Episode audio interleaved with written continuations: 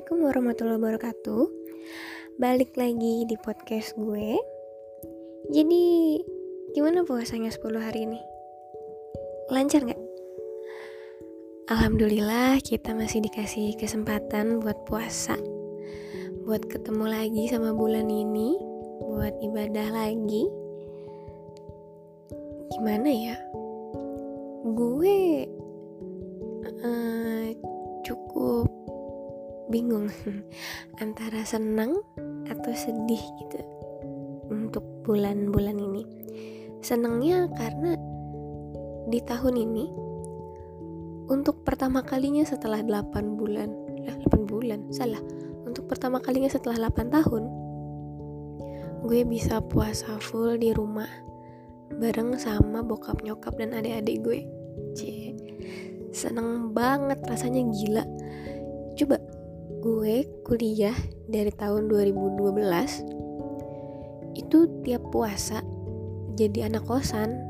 Kebayang dong jadi anak kosan gimana menyedihkannya gitu kalau bulan puasa. Sahur kadang bangun kadang enggak. Kalaupun bangun gak tahu apa yang mau dimakan. Terus tahun 2016 kalau nggak salah gue puasa di rumah sakit. Iya lagi dinas itu orang ya kalau azan maghrib gue kan di Padang nih. Uh, apa koasnya. Jam 6 itu bukannya belum jam setengah 7 orang-orang buka puasa. Lagi kita masih di IGD karena di bulan puasa itu kan banyak yang ngabuburit nih. Ya ya namanya musibah ya kadang kita hati-hati orang yang gak hati-hati. Ada ada aja yang kecelakaan. Jadi jadi tuh nggak pernah sepi gitu kalau buka puasa. Pernah juga tahun 2017 gue lagi di stase uh, bangsal penyakit dalam. Itu buka puasa jam 6 itu cuma megang satu aqua gelas diteguk aja dulu eh, pas mau ke ruangan pasien. Habis itu ke ruangan pasien lagi. Pernah juga uh, waktu azan kebetulan lagi lagi apa lagi visit pasien lah lagi tensi lagi nanya-nanya pasien. Terus azan keluarga pasien ini ngeliatin gue dok buka puasa dulu yuk ibu beli uh, cemilan buat buka. Ibu satu sorry bilang ibu satu bapak satu dokter satu. Udah. Terus gue disuruh duduk di ruangannya ikutan makan. Terharu gue cuy. Dan dari dulu tuh selalu mikir aku pengen puasa di rumah sebulan full ya kalaupun dinas gitu seenggaknya tetap ada momen di rumah. Buat ngumpul-ngumpul buat cerita-cerita. Tahun lalu gue internship hmm, di daerah Sumbar lagi. Dan ya tidak bersama keluarga. Mau bukber online pakai video call pun jam bukber kita beda. Di sini jam 6 kurang di sana jam setengah 7 dan emang sempet doa juga sih. Tahun depan aku kerjanya abis lebaran aja deh. Jadi aku mau kumpul dulu di rumah.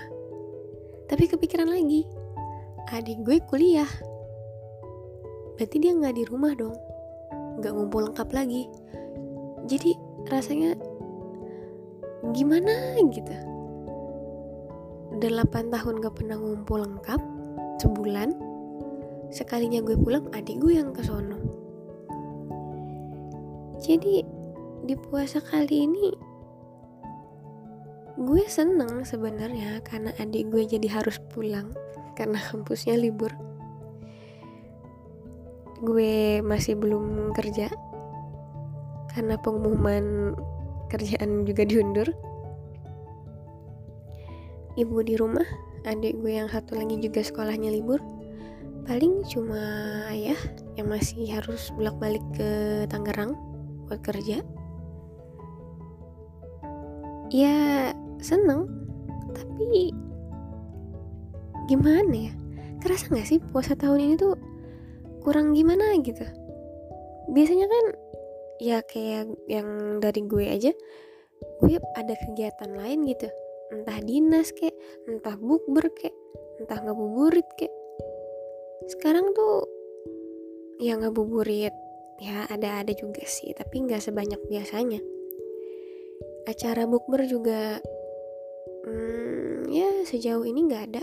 Padahal harusnya di puasa hari kesekian ini udah mulai banyak tulisnya bukber sama ini bukber sama temen SD temen TK temen SMP temen SMP kelas 1 kelas 2 kelas 3 temen geng kelas 3 temen geng kelas 2 oh, banyak banget. Terus juga biasanya udah mulai banyak nih yang belanja baju-baju lebaran. Termasuk ada gue lagi dimarahin. Nyokap gue kan uh, jualan mukena juga ya bantuin temennya. Dan yang beli mukena tuh dikit coy. Biasanya tiap uh, puasa gini tuh banyak yang beli mukena baru buat sholat id terus sekarang jadi dikit buat yang belanja belanja bahkan gue ngelihat baju yang kaftan-kaftan cakep gitu rasanya kan pengen beli ya buat dipakai kompakan gitu sama nyokap. Terus sekarang malah kepikiran kalau gue beli mau gue pakai kapan? Lebaran gue di rumah aja. Gue mau pamer ke siapa terus yang bikin sedih peluang buat dapet THR di tahun ini tuh nggak ada tau nggak? Kalau keluarga gue biasanya tiap lebaran ngumpul di rumah nenek. Abis sholat id kita makan ngumpul di ruang tamu terus uh, saudara-saudara ibu pada duduk tuh di kursi panas satu-satu ponakannya baris semua di lantai. Yang gak baris-baris amat sih pokoknya di lantai lah menghadap ke si kursi panas ini. Dan itu bergilir. Uak pertama gue uak kedua gue uak ketiga. Habis itu tunggu emak gue urutan ke berapa sih? Oh habis itu emak gue. Habis itu bibi gue. Dan itu momen yang selalu gue kangenin gitu tiap uh, lebaran gue nggak kangen duitnya nggak. Ya ada sih kangen juga sama duitnya. Cuma kangen aja ngumpul-ngumpulnya. Yang satu tinggal di Garut yang satu tinggal di Cikampek satu tinggal di Jakarta satu tinggal di Serang. Nenek gue tinggal di daerah Anyer. Yang nggak jauh-jauh amat mungkin tapi ya lumayan jauh lah harusnya gue yang ngasih THR ya. Kenapa malah gue yang ngarepin THR sering gak sih kita tuh malah mikir kok cobaan gini-gini banget? gitu. Yang jualan ini tuh yang biasanya laku jualan takjil lah. Atau all shop all shop yang jualan baju-baju lebaran mukena-mukena atau amplop buat THR atau mungkin tukang gojek deh. Eh gue nyebut merek ya? Ojol deh. Yang biasanya banyak orderan nih kan. Mau bukber ke sana bukber ke sini. Sekarang tiba-tiba sepi. Belum lagi buruh-buruh yang jadi sepi orderan juga kan? Ya gimana ya? Mereka tuh pasti udah berhayal juga tahun ini mau ngasih THR buat keluarganya. Terus tiba-tiba, wah, susah banget deh ngomongnya. Yang udah di rumah aja juga kayaknya udah pada bosen ya. Udah nonton drakor berpuluh-puluh atau mungkin beratus-ratus episode. Udah bosen buka-buka Instagram terus komen-komen nyinyir-nyinyir gibah gitu. Saking gak tahu lagi mau ngapain ya atau perasaan gue dong. Soalnya kayaknya belakangan ini banyak yang komen-komen negatif gitu deh. Saking gak ada kerjaannya apa gimana sih? Gue gak ngerti. Tapi ya dari sekian banyak pikiran negatif itu dari sekian banyak kesedihan-kesedihan itu pernah nggak kita coba nyari hikmahnya?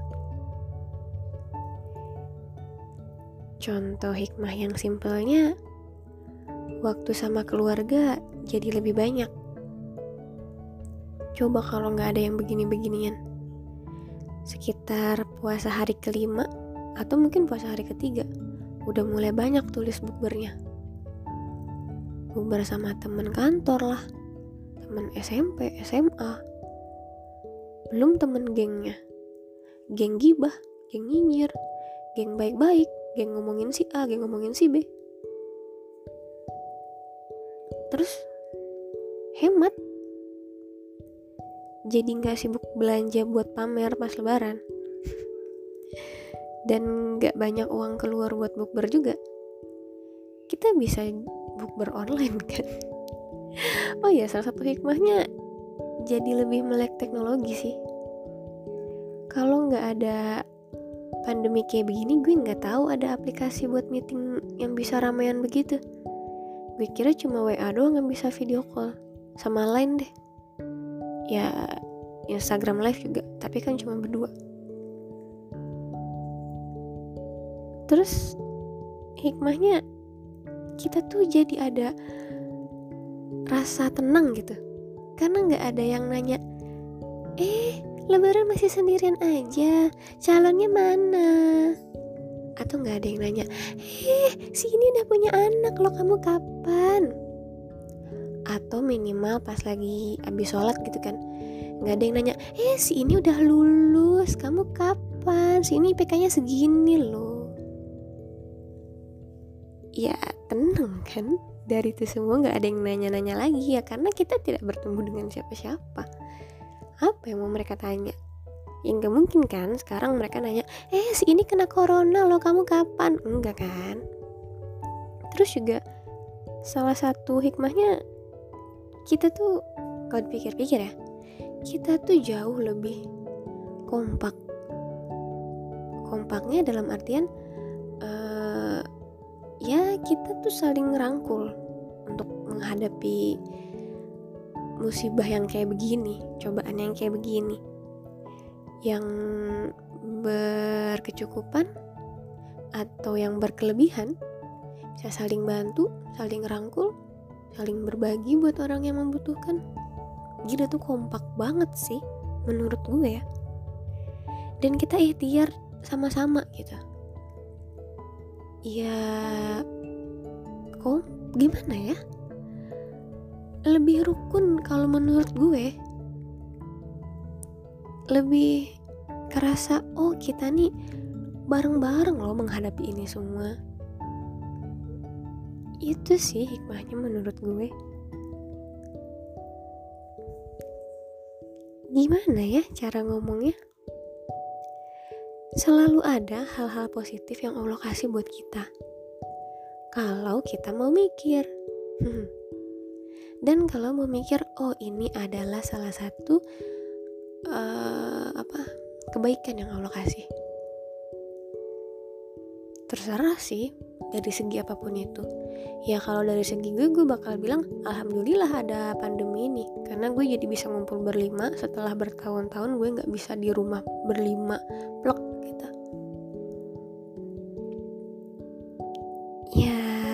intinya jangan sibuk menyalahkan ini itu deh.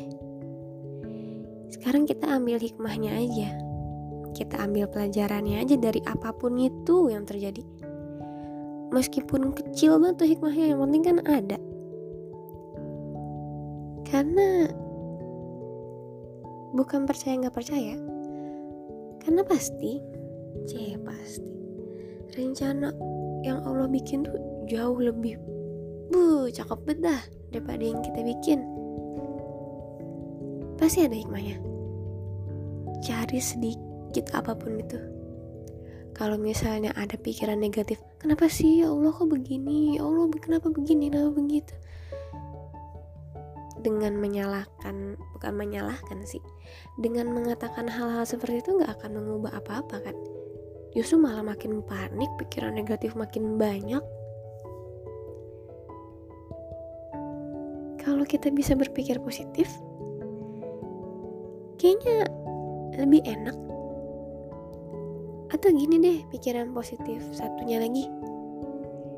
Gara-gara ada pandemi ini kita jadi lebih tahu tentang gimana pentingnya menjaga kesehatan kan? Jadi rajin cuci tangan jadi tahu aturan cuci tangan yang benar gimana meskipun tetap tidak dipraktekkan. Jadi tahu kalau semuanya tuh sebisa mungkin bersih untuk kita.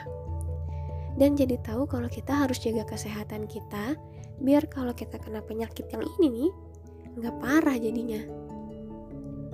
Ada kok hikmahnya, tenang aja. Kita sama-sama cari hikmahnya ya. Sama-sama usaha, sama-sama selalu berpikir positif, dan selalu menyebarkan hal-hal yang positif. Kayaknya itu isi kepala gue hari ini. Oke. Bye.